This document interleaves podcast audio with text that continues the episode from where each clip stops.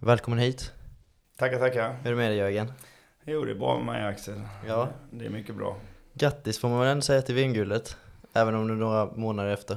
Ja, det var riktigt skönt med en stor framgång där. Både vinst i dubbel och final i singel då. Så det Ja, kändes, ja, det, det behövdes. Vi hade haft några, ja, lite tungt i OS där och ett eh, okej EM i lag där. Men liksom, så det var skönt med att avsluta året med den fina de fina framgångarna. Ja, och det var väl två Halmstad-killar va? Ja, det var det. Ja. Mattias Falk och Christian Karlsson. Mattias Falk bor ju här, men Christian har ju, spelar ju för Halmstad och har bott här innan, men spelar i Borussia Düsseldorf nu då, så det var ju extra roligt. Men hur kommer det sig att Halmstad är så bra på att producera pingistalanger då? Ja, det ju, har ju tagit lång tid för vi väl, förr var det ju alltid Falkenberg som eh, Ja, producerade. just det, ja, just så att, det. eh, det var ju då jag började, när det var Mm. Stellan Bengtsson, Ulf Tickan Karlsson och ja, de hade många spelare där i alla fall. Och sen, sen har ju Halmstad tagit över, så jag har väl lärt av dem, men också haft hela, stora målsättningar med fina ledare här. Mm. Bland annat de som har varit med min resa, Kurt Holmqvist och så Lasse Holmqvist som är idag menar jag. Va? Så att, eh, har byggt det på lång tid och eh, gör ett jättebra jobb så vi har ju tagit över här. Men eh, folk trivs här och bra tränare här med Tickan och Fredrik Håkansson då. Så att det, det är viktigt. Och sen naturligtvis hade vi ju ett VM också 2018, här lag-VM. Som gör att eh, ja, man får stora mästerskap på hemmaplan. Pushar ju också lite extra. Så att, väldigt positivt. Ja, för du är en Halmstad-kille själv ju. Började din karriär i Vallås. Ja, just det. Vallås och på Kojan där, fritidsgården. Ja. Det var där allt startade. Men, eh, för du var ju inte, jag läste i din bok att du var inte så mycket för skolan. Inte jättestark. Nej, jag var inte jättestark där. Och det, det blev, alltså... Framförallt så gillar jag idrott ju. Så när jag var, ja, höll ju på med allt alltså. Men det var pingisen. Man spelar ju landhockey, tennis, fotboll och eh, sånt va. Men det var pingisen som jag fattade det, tycke för direkt. Jag spelade alltid hemma också på en dörr liksom. Hade matcher där och ja. Så det var pingisen som gällde. Var, när du då startade din karriär som en pingisspelare, var det lite eftersom skolan, det var inte du brann väl inte jätte så mycket för det och så kände du att pingis var den, din utväg eller?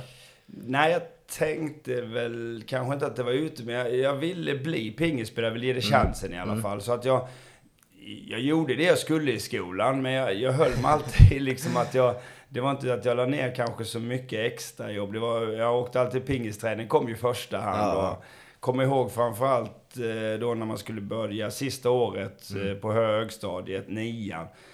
Då var det ju ändå viktigt med betygen Ja, och så här, ja, för sen skulle man söka vidare. Men då började jag med att vara en månad i Kina. Så jag började med fyra veckor, missade första fyra veckorna av höstterminen. Men det, det, för mig var det inget snack om saker. Jag visste att chansen att komma till Kina och träna, liksom, det är nummer ett. Alltså. Ja, just det, för du stack rätt tidigt till eh, Kina va? Det stämmer? Ja, jag kom till Peking som 15-åring. Ja, och stannade redan där en månad. Och det, det som var mest, liksom, ja det var ju bara att komma. Kina dominerar ju. Och eh, komma dit och få träna. Och då pratar vi om en träningsmängd som jag hade haft på hemmaplan. Då tränade jag kvällarna ju eftersom ja, skolan var ju dagtid. Då, typ åtta, fyra, fyra dagar i veckan. Det blev typ åtta timmar kanske. Och kom dit och tränade måndag till lördag, sex timmar om dagen. Så man gick till 36 timmar och så ledigt på söndagar. Och det gjorde vi i fyra veckor i rad då. Så det var, där lärde man ju sig att ja, här finns det inga genvägar. Det är hård träning Ja. som gäller. Så det var väldigt lärorikt var det. Ja, men jag tycker det. Jag, jag har ju själv eh, tränat fotboll i Japan. Det är väl lite asiatiskt land. Så de, det är ju en helt annan grej i Kina eller Japan. Jag menar med eff- effektiviteten och man tror att man når en viss gräns när man spelar pingis kanske. Att tempot inte finns ett högre takt liksom. Men när man väl kommer dit, det är ett helt annat spel nästan. Ja, och framförallt så, som du vet, de kör ju mycket mängd där då också, Mm, som mm. man säger, den här att de tränar mycket längre. Så det, det var ju väldigt lärorikt och vi hade ju faktiskt en del spelare som hade varit i Japan innan då, för Japan dominerar ju pingisen och då, då berättar de ofta samma saker. Men att komma till Kina där var ja, fantastiskt häftigt. Men det, man kommer ihåg, det var, söndagarna var rätt sköna i alla fall, man fick vila. Det var enda vilodagen Enda vilodagen, ja, söndag. Så då är, sedan ung ålder, redan i Kina, så kör man så tuffa träningar. Ja, de börjar väldigt tidigt och träna stenhårt. Ja. I skolan i, också eller? Ja, i skolan. De har ofta att de, de har sina träningscenter. Så de kommer väldigt tidigt, de blir utplockade. De har ett sånt system, så märker de att det är en talang så kan de ju flytta hemifrån när de är 11-12 år. Där. Så tidigt, ja. För att komma till de här centerna så har de skola och träning då. Ja, det är Så så det- pass alltså. Ja, det är väldigt tidigt. Ja, men då är det inte konstigt att de är så eh, långt framme i sin utveckling då. Nej, det blir ju att, och eftersom pingisen har så hög status då också, så är det ju många som väljer det. Och sen, sen funkar det ju där då i olika, men här hemma är det ju ändå, har- funkar ju bra också att gå i skola. Jo, Alltså man, och det var ju då jag kände liksom efter nian så var det ändå att jag ville gå vidare eh, gymnasiet. Så jag provade och då hade man ju möjligheten att gå ett pingisgymnasium. Och det Just finns det. ju mycket olika sådana gymnasium idag i alla sporter, så det, det Mm. var bra. Så, men sen märkte man när jag gick en tvåårig linje och sen stack det iväg där jag blev för mycket. Kom in i landslaget och sånt där. Ja. Och då blev det ju att man missar ju mycket. Ja. Och då bestämde jag mig bara, nej det funkar inte, jag får sluta efter ett och ett halvt år. Ja, du slutade Ja, då gymnasiet slutade jag gymnasiet till slut. För att då var man borta så mycket så då, då blev det ju det här, ja, nu får man ge det chansen. Hade du mycket press på dig själv som liten? Nej, inte press skulle jag inte vilja säga. Jag, jag fick tidigt... Eh, jag kom ju till Halmstad BTK som sjuåring Mm. och fick tidigt framgångar. För man, man spelar och så tävlar vi väldigt mycket. Ja. Och sen eh, var ju lite, alltså åkte runt, åkte till mitt första ungdoms-SM när jag var nio år. Fick Ja, duktigt, just uppe i. Borlänge var det. Mm. Fick duktigt med strykkover. Jag spelade en match bara, men det var ju bara, tyckte det var jätteroligt att vara med grabbarna liksom och sådär. Sen som tioåring blev det kvartsfinal på ungdoms-SM va? och så, ja, så gick det där. Vann mycket tidigt och ja, fick åka med. Vi hade en, det var ett skönt gäng i Halmstad BTK där och man åkte runt på tävlingen varje helg liksom. Mm. Bland annat åkte jag med din pappa en liten stund, var han ju med också. Så att eh, Janne Jönsson då, som jag eh, kommer ihåg, jag brukar prata med honom om det, vi hämtade han i Trönninge då liksom. Ja, vi åkte det, iväg ja, med buss liksom. Ja, och då var det att skulle vi ner och tävla i Skåne kunde man hämta han där liksom och sådär. Så att, ja, det var häftigt. Var han långt ifrån er nivå eller? Nej, men han spelar ju fint och så, men jag tror han gjorde rätt också. Han valde fotbollen istället? Ja, det blev för, valde fotbollen här. Så att, Ja, för du var väldigt cool och sansad när du spelade, ja men speciellt stora matcher. Eh, där de flesta kanske skulle bli jättenervösa och eh, veckla ihop sig, men du blev lite tvärtom va? ja, jag blev väl att jag började vinna ganska tidig ålder och sen fick jag ofta eh, ta de här avgörande matcherna. Jag gillar den utmaningen för det var, det var också lite att jag försökte alltid vända lite på det också att det är inte bara jag som är nervös liksom. Jag har ju motståndare också som är nervös liksom. Så då tänkte jag liksom lite att spela lite smart och behöver inte göra allting själv liksom. Jag har ju motståndare va. Så att så lite de grejerna jag försökte lägga över lite på min motståndare Mm, också. Så mm. att jag bara, bara gick helt upp i mig själv. Måste jag göra detta? Måste jag göra detta? Va? Så att jag fick lära mig tidigt att spela sådana här viktiga, och, ja, viktiga matcher då. Så att, och sen kanske också som när man tänker tillbaka. Jag fick vinna min första stora eh, titel som 19-åring. Jag vann ju EM i singel Just det. 86 redan. Va? Så att Mm. det är klart, det kanske hade att jag fick vinna direkt. Hade man Ja. förlorat där så är det kanske lite och så får, får man en ny chans. Förlorar man då igen liksom. Jag fick vinna direkt. Va? Det gjorde nog en hel del tror jag. Och det var nog väl mest, gav det självförtroende mer än att det gav det press då Ja, helt enkelt. just det. Det här Ja. viktiga att få självförtroende. Jag vet, ja, kommer jag i stora finaler så kan jag vinna. Liksom. Ja, för du är också känd, du kallar ju själv boken den, den snälla världsmästaren ju. Eh, för jag tänker dagens fotboll eller pingis eller vilken sport som helst, då är det en mentalitet som man måste ha. Och det är väl ofta att man ska tycka att man är bäst och eh, störst och vackrast kanske med vissa. Men hur svårt är det att parera in att samtidigt vara ödmjuk men ändå ha en sån här vinnarskalle?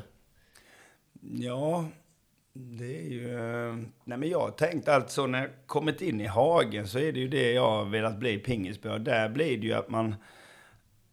Där blir man ju liksom någon annan, eller någon annan ska jag inte säga, men där kommer ju att det gäller det att vinna. Alltså det är ju vinnarinstinkten som kommer när man kommer in i hagen.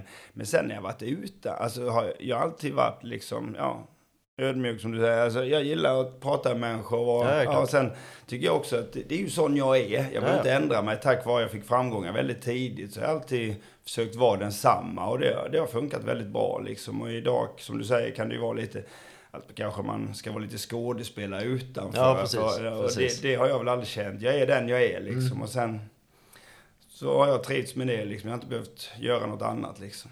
Ja, och men det, det funkar ju också med när man är utanför. Är man där man är och sen när man kommer in i hagen, då vet man ju, då har man ju sina motståndare. Och det är ju därför jag har börjat spela en gång, för att vilja vinna titlar och så. Va? så att, Ja men precis, men det kan ju också vara enkelt till. Eh, speciellt då när man blir framgångsrik vid ung ålder. Man kan få en del uppmärksamhet från ett eh, Halmstadfolk då.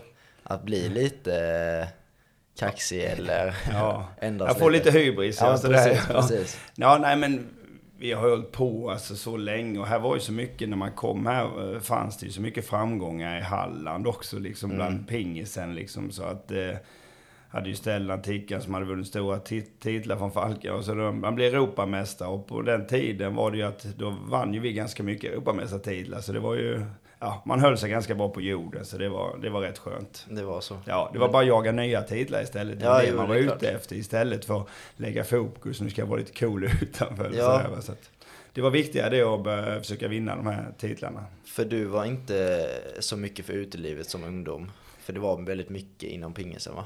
Ja, nej, det var väldigt lite egentligen. Mm. Nej, jag var aldrig ute. Det var pingis eftersom pingisen kretsar ju kring träningen veckodagar då. Och sen tävlar vi varje helg. Ja.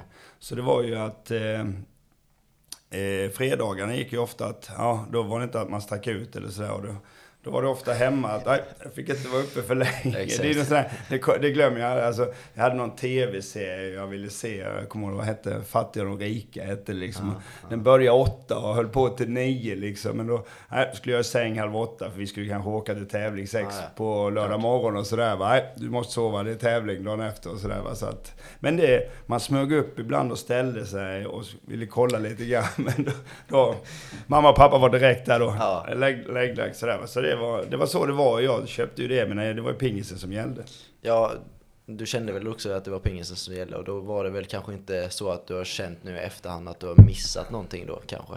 Nej, det har jag aldrig känt så. Jag Nej. hade, det, det har aldrig varit. Jag valde det och det, jag har haft en fantastisk resa Mm. där. Så att det har jag inte saknat alls. Det att jag, eller jag går aldrig tillbaka så heller att jag missar att vara ute. Nej, så. det, nej, var nej. Det, det var mitt val liksom. Ja men såklart, sen Mm. om du hade valt att vara ute så kanske du inte hade varit där du är idag ju. Nej, det är det. Man måste ju, som man säger, jag brann för pingisen Mm. och ville bli det. Va? Då får man ge det allt.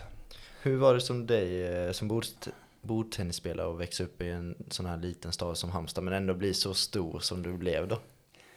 Ja, det var rätt. Jag är ju uppväxt eh, på Vallås liksom och har gått, varit i gamla sporthallen och tränat liksom. Mm. Och det var inget svårt. Jag tyckte det, det, Halmstad är ju en fantastisk idrottsstad. Ja, det det. Finns mycket här och på min tid var det ju, ja, gick och tittade HBK, Drott då i gamla sporthallen där ju. Och sen kommer jag ihåg Hammers också liksom. Ja, det ja, var då, så att det- ja, det är en fantastisk idrottsstad. Och sen tror jag att jag flyttade ju då när jag skulle ut. Jag flyttade ju rätt tidigt från Halmstad. När jag började pingisgymnasiet så blev det ju bara Falkenberg i och för sig. va. Så Ja, att just det, det. det Ja. var inte något jättelångt eh, hopp. Och sen var jag borta från Halmstad rätt länge här när jag hade många framgångar då. Bodde lite i Malmö och Tyskland då ju. Så att kände väl att Halmstad alltid varit hem. Mm. Ja, Men det precis. blev inte som, jag, jag blev aldrig så sådär att jag kände att jag kom till Halmstad som du var inne lite på och gick här genom och bara gled fram här Exakt, liksom. exakt. Det var inte så? eller? Nej, det var inte så. Nej. Nej. Så att, eh, det var det inte.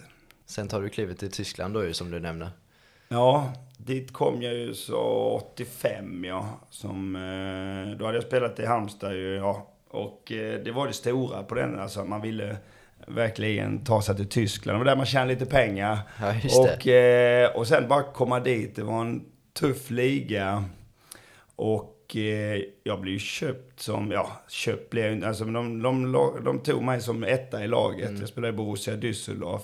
Och det var ett lag som hade ja, vunnit många tyska ligamästerskap. Desmond Douglas hade spelat där. Och, ja, så de tog mig. Och där blev man etta i laget. Så det var ju en häftig grej liksom. Men där kände man, ja, här gäller det att vinna match. Och, Ja, så Tyskland fick man läsa mycket och framförallt det här med att ha bortaplan också.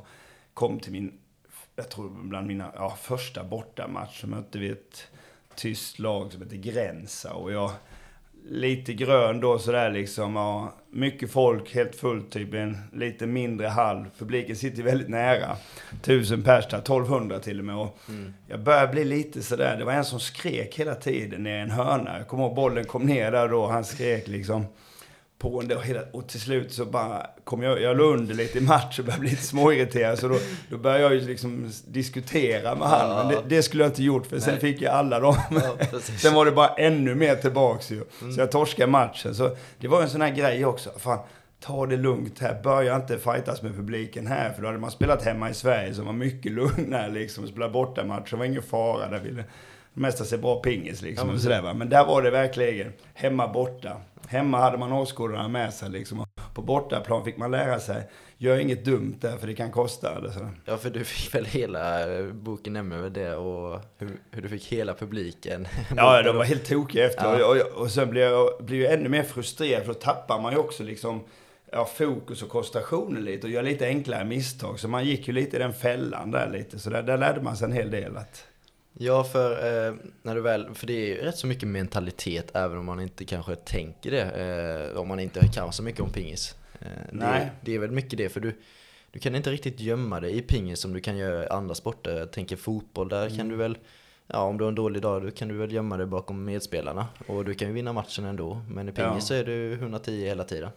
Ja, det stämmer det. Och där var det ju, det är ju lite så att eh, det är lite som man pratar om, jag tittar själv det ibland nu när man ser idrott, så är det här kroppsspråket man pratar om liksom, och inte visa för mycket. Nej. Alltså inte, för det, det kan ju motståndaren eh, se också, och då ger man ju han kanske lite extra, eh, ja, extra poäng, men även att han ser, nu har jag han, eller sådär. Det är ju mm. samma som man gör själv liksom. Man kan gå in och stirra motståndaren Precis. i ögonen lite, ja. för vi är ju väldigt nära varandra som du säger. Va? Så att, där är det rätt, det är viktigt med kroppsspråk att visa bra och så kanske, ja, som vi ossar gör vi ju en hel del och skriker. Ja, ja, men gör dem i rätt läge och sådär va. Kan, eh, kan vara lite sådär, det är lite spel där också ju. Lite mentalitet. Ja, lite mentalitet. Ja, och sen också man kanske servar, tar man lite längre tid.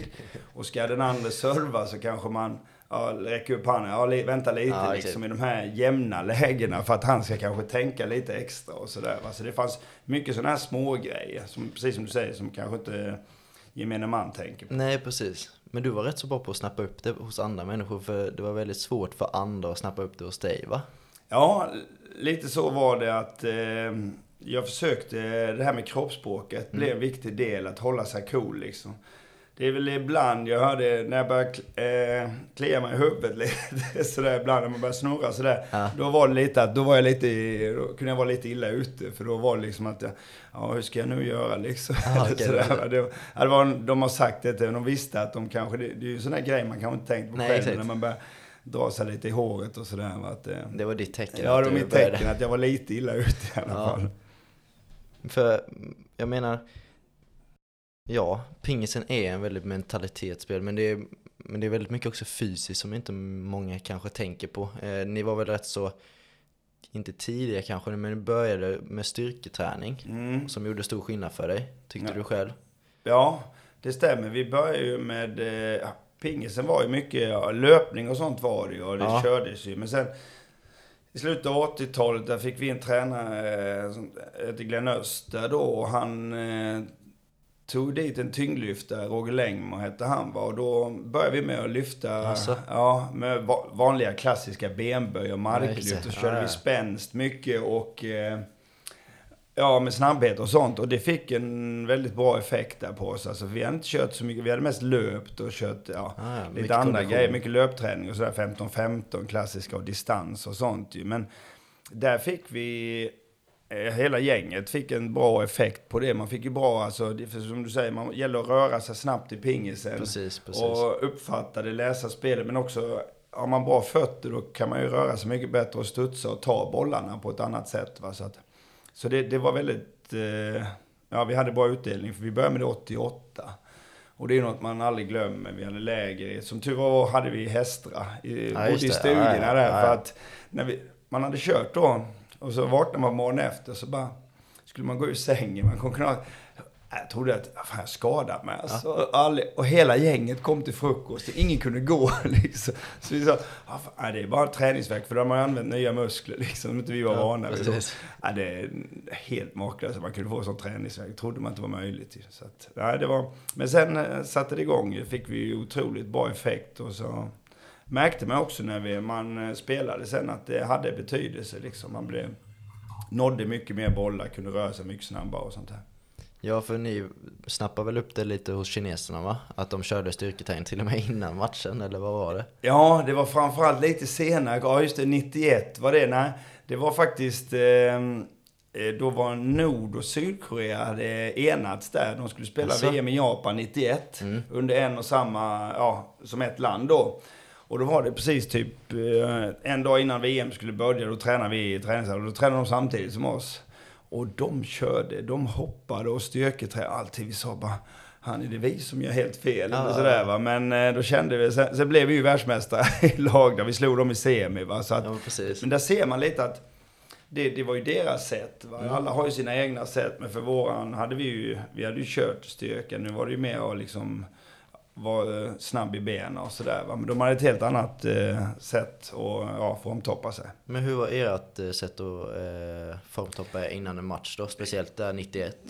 Ja, framförallt så körde man ju på ganska hårt en månad innan. Mhm, Och då, då hade vi läge, två läger hade vi innan då. Som när det gick, det gick ju Japan, så hade vi två läger innan. Och då, första läget kör man på hårt och sen andra blev det lite lugnare med mer matchliknande situationer. Så man, man trappade ner lite så för att, när man kom till mästerskapet ville man ju vara fräsch och pigg. Va? Så att, Ja, precis. och då på den tiden spelade man VM i två veckor. Så det gällde ju att... Ja, det började med lag och sen var det en vilodag. Sen kom singel, dubbel, mix då.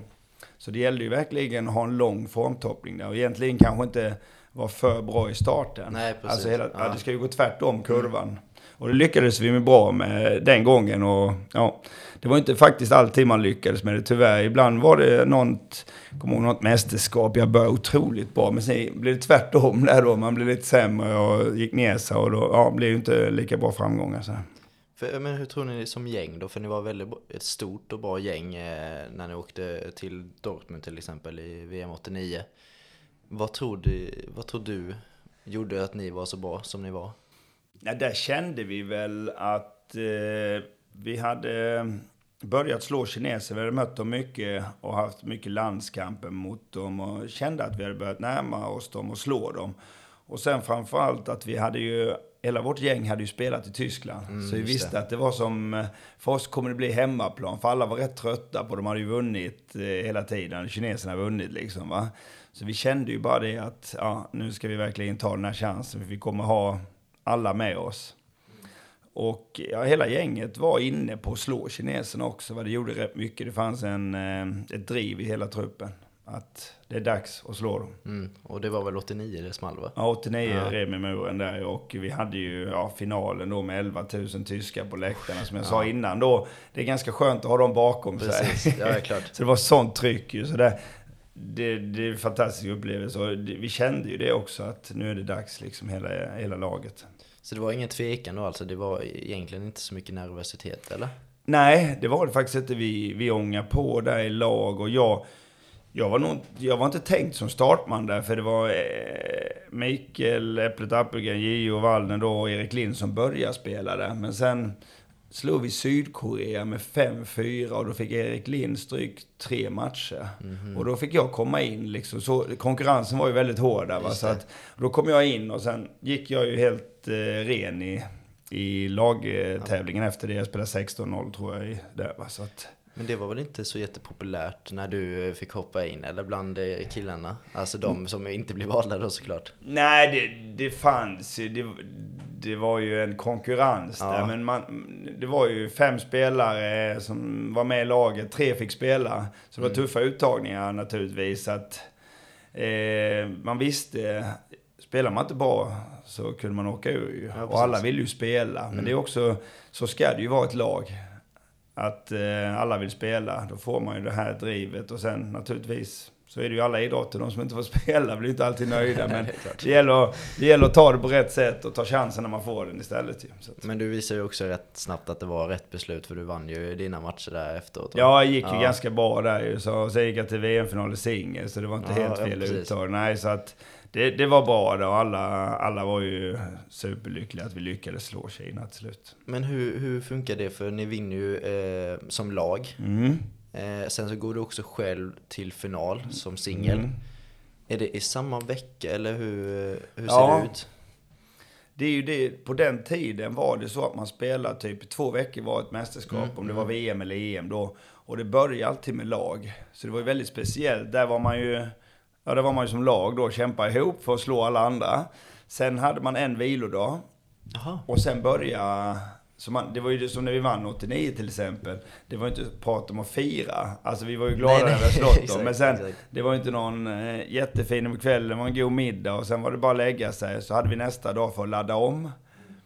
Och sen satte det igång då med singelspel och dubbel. Och då var det ju bara liksom, då ville man ju fram igen va. Så att eh, det var lite speciellt det. Och det var det jag var inne lite på innan, det här med att ha toppformen i två veckor var ju det som var tanken hela tiden. Men du klarade att ladda om efter ni har vunnit? Eller var det Ja. bara egentligen enklare att ladda om då kanske? Ja, egentligen kan man ju se det på två sätt. Alltså, men när man vinner då, då vet man ju, och vi slår de bästa, liksom, har gjort det hur bra som helst. Jag har inte förlorat någon match. Det är ju liksom en kick. Då vet man ju, ja, jag är i toppform liksom. Ta med mig alltid självförtroendet in i singel sen. Och ibland var det ju så, om man inte lyckades då, då tänkte man, ja, då får man ju ta en ny chans liksom. Va? Så det, man försökte alltid se det på båda håll. Om det gick dåligt i lag, så ja, men då har vi en ny chans i singel och sådär. Men tvärtom då va. Men naturligtvis var det ju bättre när det gick bra i lag. För då blev den här självförtroendet är ju viktigt. Och sen möter du Geo Wallner i finalen va? Ja. Ja. Och den vill du inte prata om för mycket kanske? nej, det är ju, nej, inte så. Nej, men det var lugnt. Det var, faktum var ju att jag slog faktiskt på den tiden, jag slog fyra kineser i rad där. Ja, Från det, omgång det. två, Precis. tre, nej omgång tre, fyra, fem, sex då alltså. Ja. Och på den tiden om man slog fyra kineser så borde man ju Ja, vara världsmästare. bara det var starkt. ja, just det. Ja. Men, men det var man inte då. Då var ju, stod JO på andra sidan där och ja, det var ju, jag räddade ju faktiskt matchboll, gick upp, han hade 2-0 och hade matchboll i tredje. Så vände jag, vann och kom tillbaka till 2-2. Men sen, ja, så gjorde man det här kanske att slappna av lite när 50 skulle börja. Att liksom jag var nöjd att jag gått upp till 2-2. Mm. Precis. Och då fick han pang, han var på mig direkt och fick pangstart. Och sen, ja, jag tror det stod 10-2. På den tiden gick vi till 21 va? och då, då orkade jag inte komma tillbaks där. Så, Nej. att, nej. Så där var det, jag var inte riktigt det där, men det, det är sånt man, eh, det tänkte man inte på då. Men det gäller inte att slappna av. Jag slappnade av en sekund där, men så är det ju i idrott. Ja, man liksom, mm. kanske sådär, ja nu är jag med igen liksom. Och då smäller det direkt. Så att, nej. För han mötte väl bara egentligen europeer till sin väg till finalen va? Ja, det gjorde Stämmer. han. Ja, han mötte Bayer Peder. Jag tog ju hand om kineserna. Ja men precis. Men Ja, kände du inte att det var lite orättvist då? Nej, det tänker man inte så. Han, Inte? han mötte... Nej, det, så, det, det spelar ingen roll. Man har, har lottningarna så att det, det har varit vår fördel att vi alltid varit bra mot alla spelare. Mm. Och han slog många bra på vägen där också på sin sida så att jag Ja, tog det är hand om dem. Men det, det, det är inget som man tänker vilka man möter så. Vi har pratat om det ibland han och jag att vi hade ju fördelen att vi var aldrig rädda för någon spelstil. För pingisen har alltid funnits många olika spelstilar liksom. Det var liksom, vi kunde spela mot alla spelstilar. Mm. Och det var väl väldigt 50-50 mellan dig och Geo va? Ja, det var det Ja. alltid. Ja, det, det var det. Så att, eh, vi har ju mötts i många, vi började ju tidig ålder att mötas Mm, och sen har mm, vi mötts många gånger. Men det var, det var första gången vi möttes i en stor final ju. Alltså riktigt Ja, ja, stor. det största, ja, ja, precis. 89 där, så att, ja.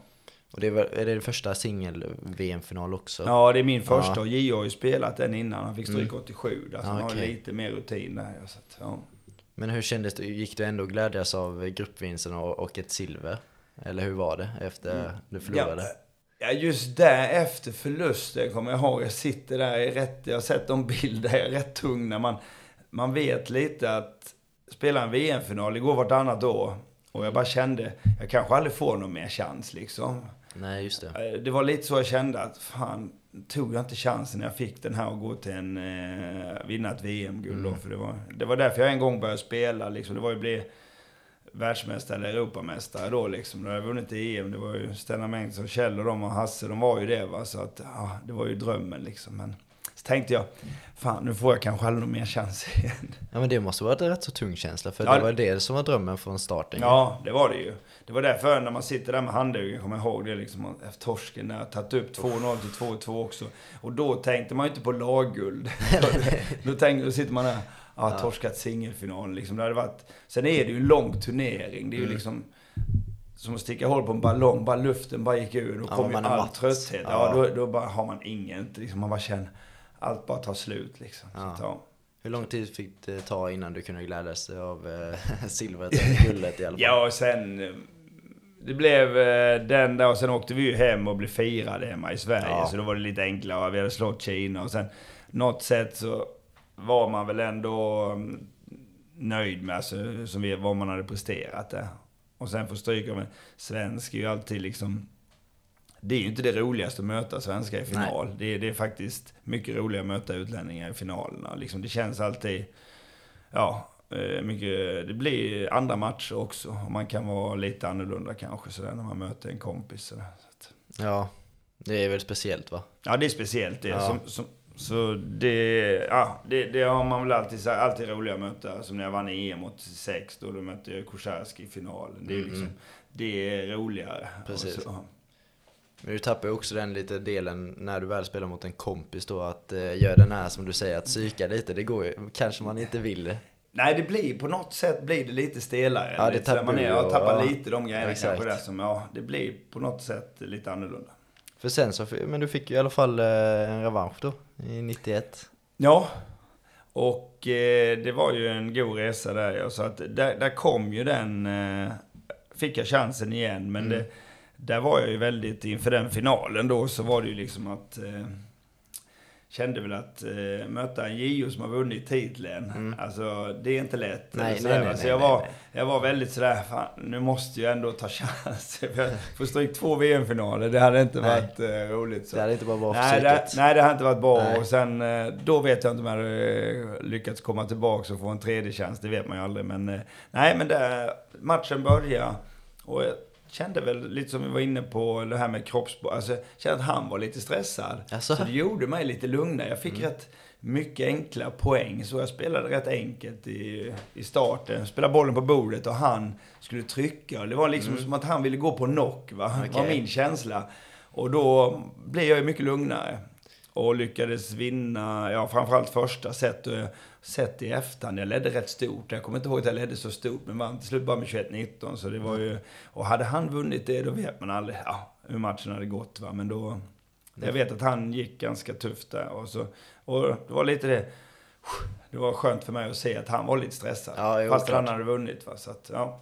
Och sen fick jag vinna 3-0, blev det till slut. Så det, ja, det var väl rätt Rätt skönt att vi fick vinna. eller? Ja, det Ja. blev det. Men det var väl också eh, rättvist, det kan man väl säga. Men alltså, vi, vi möttes två VM-finaler, vi vann varsin. Det känns Ja, väl precis. ändå... Det är väl ja. exakt meant to be kanske. Ja, ja.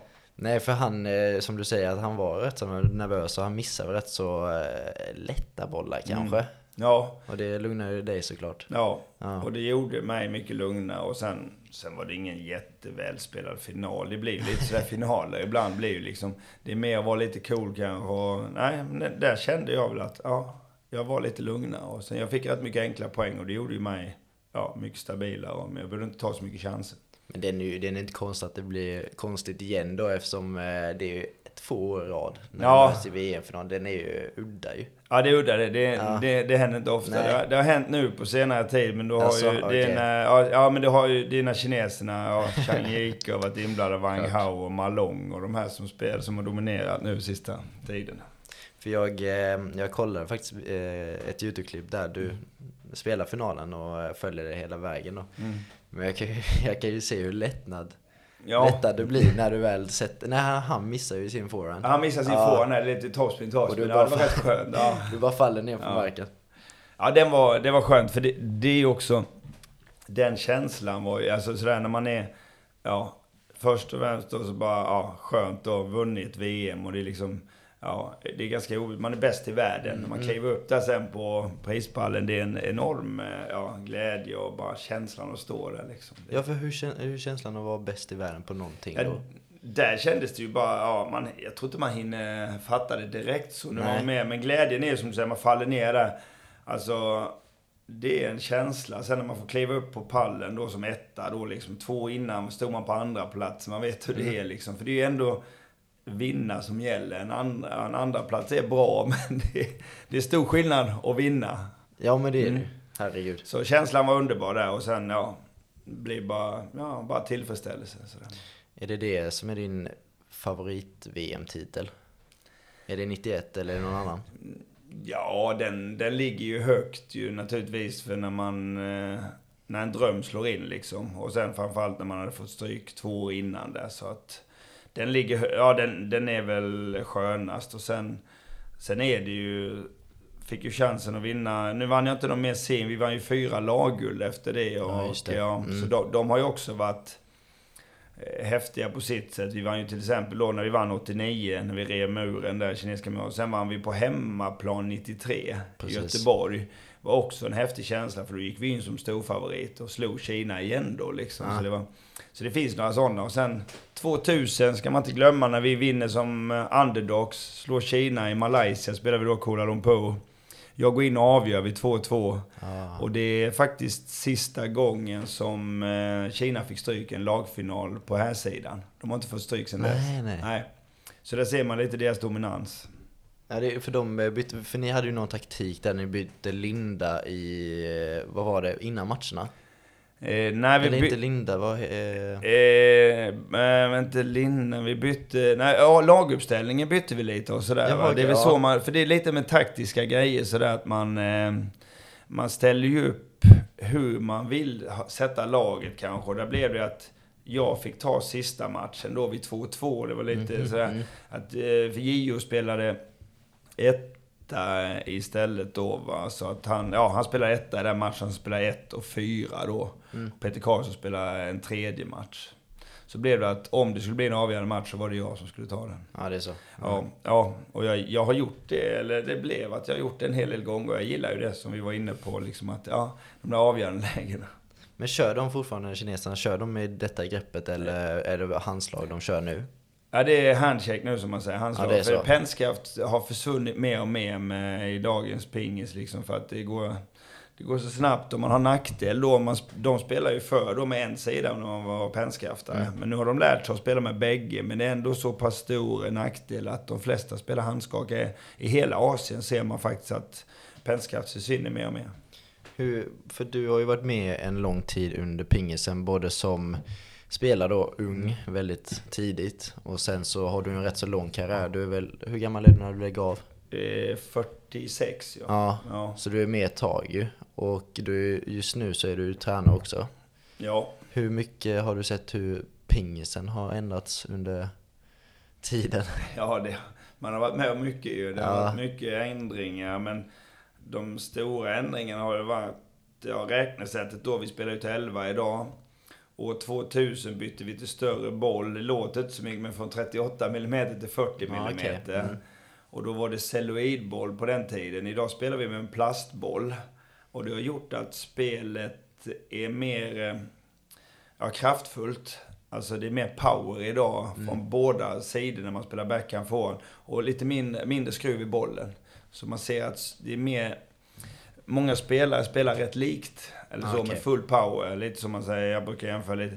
Tennis också är mycket power idag. Mm. Det är inte så många som går på nät lika mycket som det var förr. hade man ju mer eh, sådana som stack. Det hinner man inte idag för det är sånt eh, power. Och i pingisen är det då att spelstilarna försvinner lite mer, de här defensivspelarna. För de offensiva drar så hårt liksom. Och även pennskaft ja. då har det varit en liten nackdel. Så att, som, det är mycket power idag.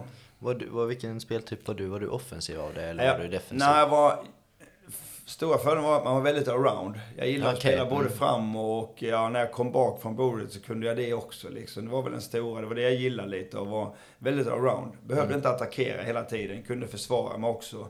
Och det gjorde ju lite i de här eh, viktiga lägena ibland att man vågade spela om bollen. Jag var inte så beroende av att göra poängen liksom. Eller sådär? Så att, och det kan man väl se idag att spelare vill gärna göra poängen idag. Alltså, de är väldigt offensiva. Ibland kan det räcker med bara hålla in bollen. Och det är det jag försöker prata som coach ibland. Ja. Ta det lite lugnt. Exakt. Så man kan använda farten också och sådana här grejer. Så nu, nu pratar vi pingisspråk, men alltså det, ja. finns, det finns grejer man kan utnyttja ibland sådär va. Så att man inte vill göra alla poängen, det är svårt.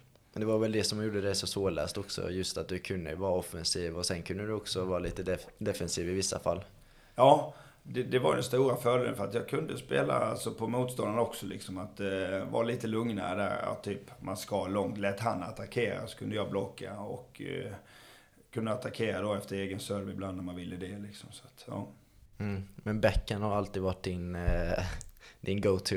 Ja, den har ju varit den som är spektakulär. Och jag har ju satt själv backhand där ibland som jag inte har liksom riktigt... Nej, jag vet inte hur jag har satt. Nej. Men, då, men då var alltid en känsla. Då visste jag att jag var i bra form när jag fick sätta de här backhandarna. Det var väl Bengt Grive som kallade det kobran. Den högg Ja, som kobran, en ja, kobran. precis. Ja, just det. Så att den... Men ja, faktum var att jag blev själv överraskad ibland att jag satt eh, de backhandsmatcherna. För det var nästan, när du väl fick eh, tag på den här kurvan då, då var det nästan omöjligt att ta den. Eh. Ja, Ja. Den, den var inte lättläst heller ju, eller sådär. Men det jag kan säga idag då när det har blivit plastboll och sådär. Ja. Så när man sätter den idag, det blir inte riktigt den skjutsen idag lika hård blir Så nu kan de ta- så, då, så nu tar de alltid den. Så att, Ja, det, det är inte han lika kul. tar den i kåban. Det är inte roligt Ja, då precis. när jag Nej, nej. sätter någon som jag är så nöjd men så bara plockar de den och hinner de med på ett annat sätt idag. Ja. Så det, men då tog ingen den, så det Nej. var skönt. Ja. Men det är väl det också du har älskat med eh, pingisen, just att det är bara dig och bordet och eh, allt fokus är just på dig, speciellt i finalerna då. Ja, det, det är väl det som, just att när man kommer fram, alltså man börjar ju en tävling och då är det massa bord. Precis. Ja, Precis. och sen då, när, det, när man går fram, det är ju det bästa, för då, då byggs det hela tiden ner. Det blir mindre och mindre bord kvar. Och naturligtvis när man då, när det är två bord, ett bord kvar, då vet man ju att då har man lyckats, då är man i bra form liksom. Och komma Precis. in där på centerkorten då liksom, det är häftigt när man får komma in där. För då är man ju också, det är ju det man vill när man kommer till turneringarna, vara med till slutet där. Och det är väl det jag har upplevt nu som coach också, när det har gått bra för oss. Liksom, den här känslan när spelarna går fram Ja. och man märker många bord, så blir det mindre och mindre. Och det är ju underbart för Sverige, alltså att vi är med där framme igen liksom. Det är kul. Ja precis, för jag är, jag är absolut inte lika bra som dig i pingis. Men jag hade, det enda jag kan skryta om är att jag var i femman, då var jag något, något skolmästerskap. Och då var det så att man, man börjar ju bland åtta bord eller vad Ja. det var i en sån hall. Eh, sen så klättrar man sig framåt och så kommer man väl då till finalen och då är det ju allt fokus på en. Och man Ja. är ju nervös och allting men... Ja, fattar- för då ser man alla polare och kompisar. Ja men precis, och alla Ja, hejar och så är det en ja. annan skola som hejar och eh, tycker det är roligare när den andra får poäng. Ja. Men eh, jag kan väl tänka också det när jag var i finalen då skulle jag göra den avgörande. Ja. Ja, hur kan den känslan vara för dig när du skulle göra den avgörande mot, eh, i din VM 91? För, för mig, jag var ju pissnervös. Men Ja, tänkte du ja. mycket på att det var det avgörande bollen? Nej men det är lite det, man eh, försöker ju inte eh, tänka för mycket. Alltså Nej. lägger ju över lite som du säger då. Mm. Att, och sen inte titta lite, man vet ju naturligtvis om man har matchboll liksom. Ja, sådär. Men det känner man ju. Men bara liksom, tänk inte bara på det. Va? Du måste ju spela bollen. Men kan säger, du trycka bort de tankarna? För det kunde Nej, ibland, ja, alltså, ibland var det väl mer att eh, det kunde ju vara, jag hade ju någon tävling ibland, du vet när man ska serva då, om man Mm. har serven, att eh, någon gång visste man, om man var nervös så hoppade handen lite. Okej. Gjorde inte men det är ju inte roligt när man Nej, ska serva, nej. om man då står så här. Exakt, bara, exakt. då, då gäller det bara att slänga upp den snabbt i alla fall. Va? Men var lite eh, kylig där bara. Men ja, det, det är inte så lätt det där ibland. Det gäller att ta rätt beslut där bara. Men samtidigt så är det ju lite åt här, är du då i final, Mm, då betyder det ju någonting. precis, klart. Att du har spelat kanonbra och skitbra, att du är där framme. Mm. Då är du ju bra i ordning. Då måste man ju lita på det. Det är ju inte så att du... Och då får du då matchbollen, då har du gjort något väldigt bra liksom. Och Mm. då tänkte jag liksom, ja men jag är ju kanon liksom. Jag får inte börja helt plötsligt Nej, tänka, nej men jag har, inte, men jag har ju gått till final och slått ut alla andra liksom på Det var- vägen. det va. var Så det att- du tänkte på? Ja, lite enkelt. så. Man försöker vända på det Ja. lite. Ja men det är väl det som jag, ja jag kunde inte göra det. Jag kunde, det var det enda jag kunde tänka på att det här är det matchavgörande och sen Jag tror det var någon boll där jag, ja precis finalen där och så Då tänkte jag hur fan håller jag racket? Alltså okej, var ja, det, är inte bra. Nej precis så jag, jag förlorade ju, eller inte den finalen men en annan final så Ja. Men ja, det är väl en mycket mentalitet som du säger Ja, det är lite det att där måste man ju vända. Du har gjort allt rätt och Mm. komma dit. Det gäller att fokusera på det positiva. Sen, sen kan ju hända också att man möter bra motståndare. Du gör Ja. något bra men de kontrar med Precis. något annat. Det får man ju bara acceptera också. Va? Liksom, så att, men just i sådana lägen, inte bara fokusera på vad som kan gå fel. Eller sådär. Det, det är ju det som är A och O tror jag. Att man bara tänker på det positiva och det som är bra. Precis Och du, du nådde ju dina mål som eh, pingisspelare Din dröm var ju alltid att vinna VM Ja, EM och VM. Ja, EM och VM ja, främst ja, sen Så nu när man sitter här och har, ser mycket från OS och Jaha, du vad det jag inte lyckades med. Och det, det är väl alltid liksom, jag blir så glad nu. Jag, jag kom ju precis från när de lyckades vinna Ja, curlingkullet precis, här. precis. Och man bara kände, de hade ju provat också, jag tror det var fjärde gången nu för Niklas Edin och gänget då, va, för han i alla fall. Men då lyckades han till slut att vinna det där guldet. Mm. Va. Det var ju något själv man aldrig, alltså där man kan känna, alltså, jag förstår den tillfredsställelse de har. Jag lyckades aldrig med det då va. Jag provade sju gånger men... eh, Ja, var det sju Ja, gånger? sju Ja, gånger på det. OS va. Så att det är väl lite, när man ser OS nu så blir man så glad med framgångarna och sådär. Man har själv varit där och provat mycket då. Och vinna det där guldet, det är väl det som saknas. Ja men du får glädjas att du var med där sju gånger. Det, Ja, det, det antar. Ja, sju, ja, Ja. Det, det är bra gjort det är ju. Men, Det är väl rätt så mycket jämfört med alla andra va? ja, det är det väl. Det är, ja, ham, eller Halmstad säger Sverige är det väl ingen som, vi är ingen som har gjort fler i alla fall. Nej. Vi är några som delar det där, men ja. Det är det jag får glädjas med. Jag hade hellre, jag hade hellre haft en medalj. Det är kanske därför du gillar OS så mycket. För curling, den var inte jag så hugget på att kolla på idag. Men eh, det var du.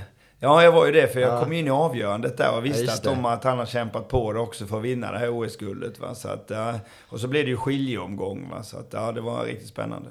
Vilket är ditt eh, finaste OS-minne för dig själv då? Oh, jag för mig själv är väl... Ja, Peking tycker jag var rätt häftigt. Okej. 2008. För det är ju... Då kom jag tillbaks till Peking. Jag hade varit Mm, 81 och tränat. Och sen, jag trodde aldrig jag skulle spela ett OS i Peking Nej. 27 år senare. Det var ganska overkligt eller sådär va. Och stå i semifinal då, där det är jag mot tre kineser. Mm.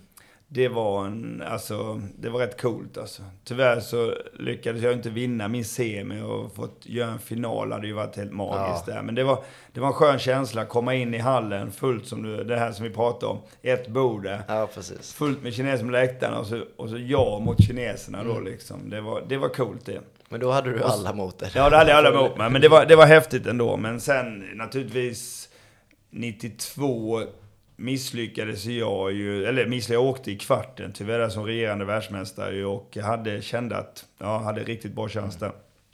Där vann ju JO enda OS-guldet vi Ja, tog just där i alla idrotter. Va? Så det var ju, det var ju alltså häftigt. Fast den tyvärr då misslyckades, alltså misslyckades, kvartsfinal var jag i va? så det var inte så jättedåligt. Men, Nej, nej, eh, nej. men det var, det var ju en, rätt coolt också när, när han lyckades ta enda OS-guldet. Men du blev ju rätt så populär i Kina då ju. Ja, Och är du fortfarande det idag om du hade stuckit över dit? Ja, jag har barn. Alltså, Ja. Det är man. Alltså, bland, mm. Framförallt kanske inte den yngre generationen. Nej, nej, kommer nej, inte ihåg lika bra, men den äldre generationen Ja, har man ja. alltså... Eh, är man fortfarande... De kommer ihåg den här Ja, konkurrensen Sverige-Kina också. Ja. Så det, man har haft många roliga upplevelser där i Kina när man kommer där. Jag fick faktiskt eh, nu från OS där, från en eh, som jag känner, han var där. Då hade de suttit i en bil när de transporterades. Och då skulle han bara testa lite. Och Ja. då, om ping, ja, så, så, ja, då hade han bara chauffören då, kinesiska chauffören, Wallner Persson liksom. Det var ja, region, ja, som det heter. Ja, region heter ju Sverige i Kina då liksom. Så att det var lite coolt. Vem fick inte Geo det, han fick ju ett namn där va? Det eviga ja, La-. Lawa kallas han, ja. Okej, just det, och det, ja. vad betyder det? Eh, Det evigt unga trädet det är det. Unga trädet? Ja, just det. Ja, så. Jag, jag, jag har också smeknamn där. Det, jag kallas Lao Pei. Det? Och Lao Pei är liksom... Jag har försökt få fram det. Lao är bra när man har... Han är Lao. Alltså kallas man Lao Ja. så är det bra. Men Lao Pei är typ gamle Persson då eller sådär Jaha, typ. ja, eller så. ja, ja, men det spelar ingen roll för mig. Men alltså, det, jag har Lao Pei ja. Så att det, det är jag nöjd med också. Han är Laua är han och jag är Lao Pei. Ja men det är för du höll igång Ja, jag höll, jag höll på så länge. Så att, då blir det gamle Persson. Är det, har du varit eh, på Kina, eller i Kina den senaste tiden? Nej, Nej. vi var... Nej, nu har det inte varit enkelt. Vi var faktiskt eh, 2020 i november. Mm, Åkte dit och var i stort sett hela... Ja, i slutet av oktober. Ja, hela november. Var jag där med eh, Mattias Falk. Då var vi väl enda idrotten som hade något. Vi hade tre tävlingar där då Mm. faktiskt. Men efter det har det inte varit några tävlingar där. Nej. Det är eventuellt eh, VM i lag ska gå där nu i år. Okej. I Chengdu. Och det är tänkt att det ska gå nu i april. Men vi får se lite om det, om det blir eller så kan det bli senare lagt lite. Så som tränare får du komma dit då? Ja, för fall? att träna för att komma Ja. dit. Ja, så det, det är coolt alltid att komma till Kina. Det är lite speciellt. Ja det är det. Mm. Mm. För du nådde ju som sagt dina mål som spelare, men vad är det dina nya mål som tränare då? Har du några speciella som du vill uppnå? Ja, det är ju, man vill ju dela med sig, framförallt till spelarna då, den resa man själv har gjort och dela Mm. med sig vad man har lärt sig på resans gång liksom. Och sen, om mina kunskaper, försöka prata med dem om det, få en dialog med spelarna lite och sådär, så att man kan utveckla deras eh, spel. Ja, Och sen naturligtvis är det att utmana kineserna som har dominerat. Och det är ju rätt skönt att kunna slå dem, för det är ju vi som har slått dem, Sverige. Och fått tillbaka, som hände nu i Houston, då vinner ju Falk Karlsson då dubbel. Mm. De slår ju två kinesiska par. i semi I, va? ja, i semi och kvartsfinal. Och kvartsfinal. Ja, och eh, det är ju alltså... Eh, ja, det är det bästa man kan göra. För titta, går man tillbaka sen historiskt så ser man sen 91 Mm. så har bara tre utländska par vunnit fram till 2021. Oj då. Ja. Så det, det är och då tittar man, okej, då är det två svenska par. Det var ju Karlsson, von Scheele var det 91. Ja. Och sen är det ett taiwanesiskt par som har vunnit där med. Och sen är det bara kineser. Det är det. Så det, där ser man lite deras eh, bedrift då vinna ett, alltså hur svårt det är. Ja. Så då, då slår de i de två kinesiska paren. Och eh, nej, så det, det är ju det man vill utmana lite. Så det, ditt mål kvarstår helt enkelt då? Ja, slå kineserna Ja. lite, det är skönt. De är så, de är så bra och de, de gillar ju den också när de får att Sverige är tillbaks lite. Det är vi som slår Ja men dem. blir, jag fattar inte, ni blir omtyckta ändå även om ni vill Jo, slå dem? Jo, men, jo, men det är ju lite så att... eh, För dem är det ju också att eh, man kan ju segra ihjäl sig och de har ju vunnit väldigt mycket. Och Mm. Ja. Naturligtvis är det bra när de får stryk så måste de förbättra sig. Och det var Ja, lite ja. så de pratade om på våran tid. Vann ju de, sen slog vi dem. Mm. Och då blir deras jakt att ta tillbaks det och vinna mot oss. Så ni pushar varandra Ja, vi hela pushar tiden? varandra ja, lite. Och det tror det är viktigt för dem också när man är så dominerad. Det tror jag gäller alla idrotter. Du måste ha Precis. att man får den här konkurrensen. Lätt att det slappna blir lätt för jag vinner, då blir det lite, då slappnar du av lite och kanske blir lite la- lat på Ja, något sådär. Men att, ja, och så kommer det då. Va? Så det gäller, för dem är det att hålla sig där uppe. Så därför är det häftigt. Alltså, ja, utmaningen är att slå dem. den, den kvarstår som sagt. Det men, kvarstår, ja. Men den eh, utvecklingen i Kina, alltså, fortsätter de att utveckla sitt spel eller finns det mycket mer att utveckla? Hur mycket är det science i det Ja, egentligen? det är det ju. De, eh, de är ju det här med detaljer. Som, de pratar ofta detaljer. Va? Det är klart att de är... Man försöker ju hela tiden hitta små grejer kanske. Mm. Kan man väl... När man ser Trull spela då som gick till VM-finalen här. Han har ju mycket... Han spelar ju väldigt variationsrikt. Okej. Och det är rätt viktigt. Alltså att man, som jag sa innan, många vill spela rätt likt idag. Men kan man hitta och spela lite annorlunda så, så är det det bästa idag tror jag. Alltså att man kan vara lite, variera lite mer och sådär. Och då finns det möjlighet att slå dem också. För Precis. ska man slå dem på tempo och fart, det är väldigt svårt. För Ja. det tränar de och, och där är de svårslagna. Men det noterar du i din bok ju. Mm. Eh, just att de är väldigt samma. Det är nästan som maskiner som Ja, bedömer. ja, lite så är det är Alltså, det är där man kan störa Precis, dem lite. det är deras svaghet då. Ja, det är deras svaghet. Men de är extremt tuffa mot eh, spelarna, eller tränarna jämfört med er. Ja, det, vet jag, de- det är ju det att de tränar hårt. Sen, Ja. men sen har de ju också, som man säger, det här med resurser också. De har ju ofta en, eh, en coach på två spelare. Ja, okej. Ja, okej. Mm. så, vi, så det, vi, ja, vi stod ju nu inför VM-finalen då när eh, jag sparrade lite mot Truls då innan han skulle upp i singelfinalen. Då var det jag och Truls som slog in och så var ju Stellan Bengtsson där då som, som coachade han. Mm. Och så bordet jämte då, man får ju sitt bord liksom. Då var det typ eh, 14 kineser på bordet Oj. jämte. Och vi var tre, men de var, då var det liksom tränare, tränare, fysio, sparringar, sparringar. ja, så ja. Det är ju också en resursfråga. De har ju Extrema resurser. extrema Ja. resurser. Så att eh, där är de ju, därför lämnas ju inget åt slumpen heller. Och det är därför de är riktigt bra också. Va? Så att, men vi, med våra, vi har lite mindre medel, men vi kan ändå utmana dem. att, Ja, men det är väl det som är så charmigt med Sverige just då. mm. Att, att, att ni ändå kan matcha någorlunda deras nivå. Trots att ni har betydligt mindre resurser då. Tre på bänken jämfört med... Ja, vet, ja, det är lite så. Va? så att, men det, det är ju inte där man vinner, det är bara med många. För då skulle Nej, Kina vara, precis. eh, då skulle de vara oslagbara i många idrotter. Det är det som är det häftiga. Och sen är det ju också att spelarna har ju bra hemmaträning och gör egna grejer och så här. va. Så, ett, så det är viktigt det också. Hur är du som tränare hade du sagt? Åh, vad är jag som tränare? Det ska inte jag säga. Nej, men jag försöker ju Är du snäll och ödmjuk Ja, ja jag, kan vara lite, jag kan vara lite tuff där också Ja. tror jag. Det, det är rätt viktigt att man Ja, ändå klart. visar vad man står för lite och sådär. Va? Så att eh, kan inte bara... Det, det är ju, nu har vi ju en konkurrens i laget och det är som vi var inne Ja. på. Det är många som vill spela ju. och, jag, jag, och jag ser ju det som positivt. Det är, ju, det är mycket roligare att, ha, att man inte har givet lag hela tiden. Att man får välja mellan olika spelare. Så att det är bra. Ja, du har ju också mycket erfarenhet du kan lära ut också. Ja, man försöker dela med sig av det. Va? Ja. Sen, sen vet man att spelare blir besvikna när de inte blir uttagna och så är det ju. Men det har man ju själv.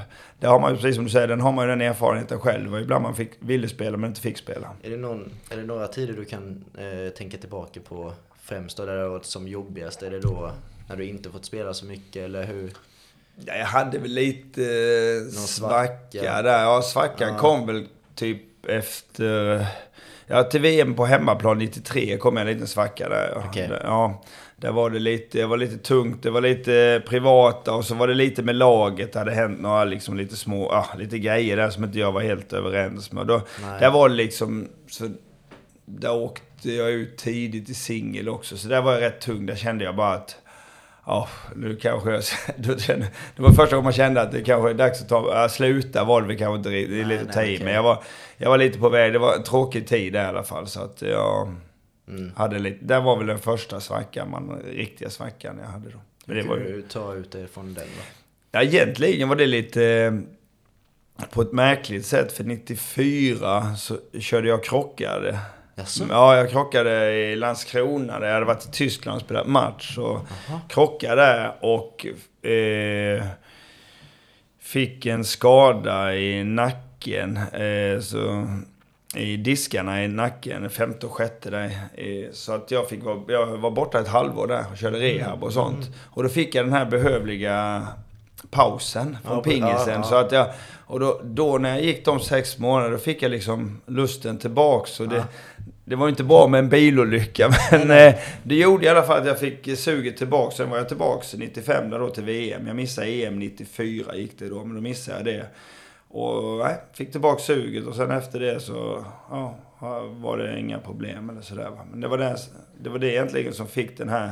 Jag fick den pausen, annars kanske jag bara spelat vidare och inte varit... Nej. Tyckte inte varit roligt med landslaget sådär. Men då fick jag en riktig paus och han fundera mycket och sådär. Sen så blev jag ju, mm, ja, eh, blev, familjen fick mer tid också. Jag blev pappa 93 där och det blev 95. det som- Ja, just det. ja, Så, att, ja, så det hade också lite betydelse där då. Så att, ja. ja, jag vet det var det. Var det, var det ett sätt också, nära, var det en nära döden upplevelse eller? Nej, det var inte så var. Det, det var tydligen, jag, jag snurrar ju runt på E6, men det var ju liksom, man bara, det blev ju overkligt. och sen, mm. Sen hade jag sån, jag hade otroligt tur för de som stannade. De sa att det kom ju en långtradare. Och den när jag snurrade, han ju aldrig uppleva då på E6. Den var så nära att bara köra över mig. Och då, då hade det nog, Det kanske hade varit då hade det gått, eh, ja, då vet man ju inte hur det har gått och det är inget man tänker tillbaka på. Men det, nej, så där, där var det ju att jag hade fruktansvärt tur sa de ju. Så Mm. att, ja. En välbehövlig paus då helt enkelt. Men det blev det och sen rehab och sånt. Va? Så att, eh, det, det, är, det är ju en nackskada jag har. Som jag, alltså, den har jag hållit i schack. Då. Ja, den, den sitter ju som de, Det är därför jag inte vågar spela så mycket fotboll och sånt Nej, här. nej. För jag får inte, alltså med nickar och sånt. Jag, det nej, Mm. kommer tillbaks ibland att eh, det går ner. Alltså att jag, det har hänt även på pingistävlingar. Att eh, jag rycker till och då går det ju näven. Och, det tar det 5-6 minuter innan Ja. det kommer. Alltså sådär va. Så att, därför är jag, jag är alltid rädd om eh, nacken eller sådär va. Så att, Det förstår jag. Ja, så jag tar det lite lugnt med vissa idrotter. Det förstår jag gott. Men du, tack så hemskt mycket att du tog dig tid idag. Som Ja, sagt, tack så du ha Axel, det var de trevligt. som- Ja. Ja, och de som lyssnar, de får verkligen ta en titt på din bok då. Den snälla med ja, världsmästaren. och så kan de ta den som ljudbok också. Absolut, då, ja. ljudboken är väldigt Slipper man fin. läsa det. Det är mycket Ja. bilder där ju. Så det- Precis, men- jag själv har lyssnat. Ni Ja. kan antingen köpa boken eller så köper ni den online. Eh, en bra bok, absolut. Ja, Köp den. den är, den är lite annorlunda, eller så annorlunda, men det är ju sån här coffee table säger man. Så det är väldigt, den är väldigt fin alltså. Sen är det ju Precis. lättläst är den men också lättlyssnad tror jag. Så Det är att den. eh, det är den ju, men mycket bilder. Absolut. Ja. Du, tack så hemskt mycket återigen. Tack så du ha Axel.